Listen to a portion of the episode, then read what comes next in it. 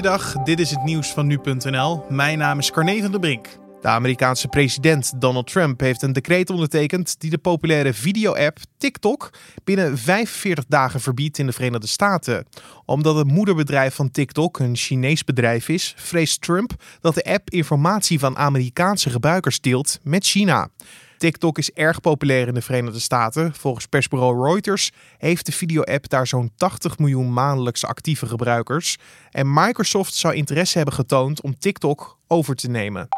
De persconferentie in Den Haag heeft geleid tot massale druktes bij de GGD's.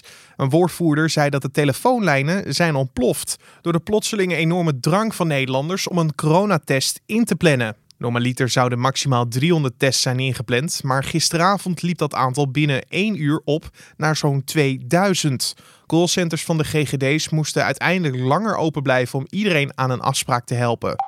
Afgelopen maand juli was de derde heetste juli die wereldwijd geregistreerd is. Dat blijkt uit de gegevens van de Copernicus Klimaatveranderingsdienst van de Europese Unie.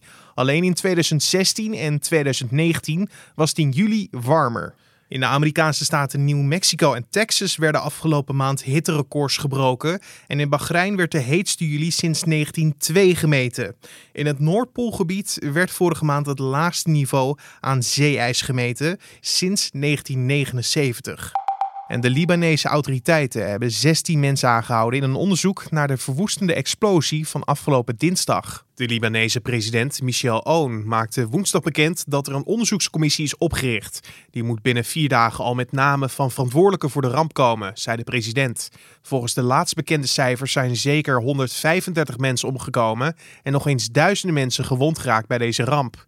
Er zijn zeker nog tientallen mensen vermist en een exact aantal is niet bekend. En tot zover de nieuwsupdate van nu.nl.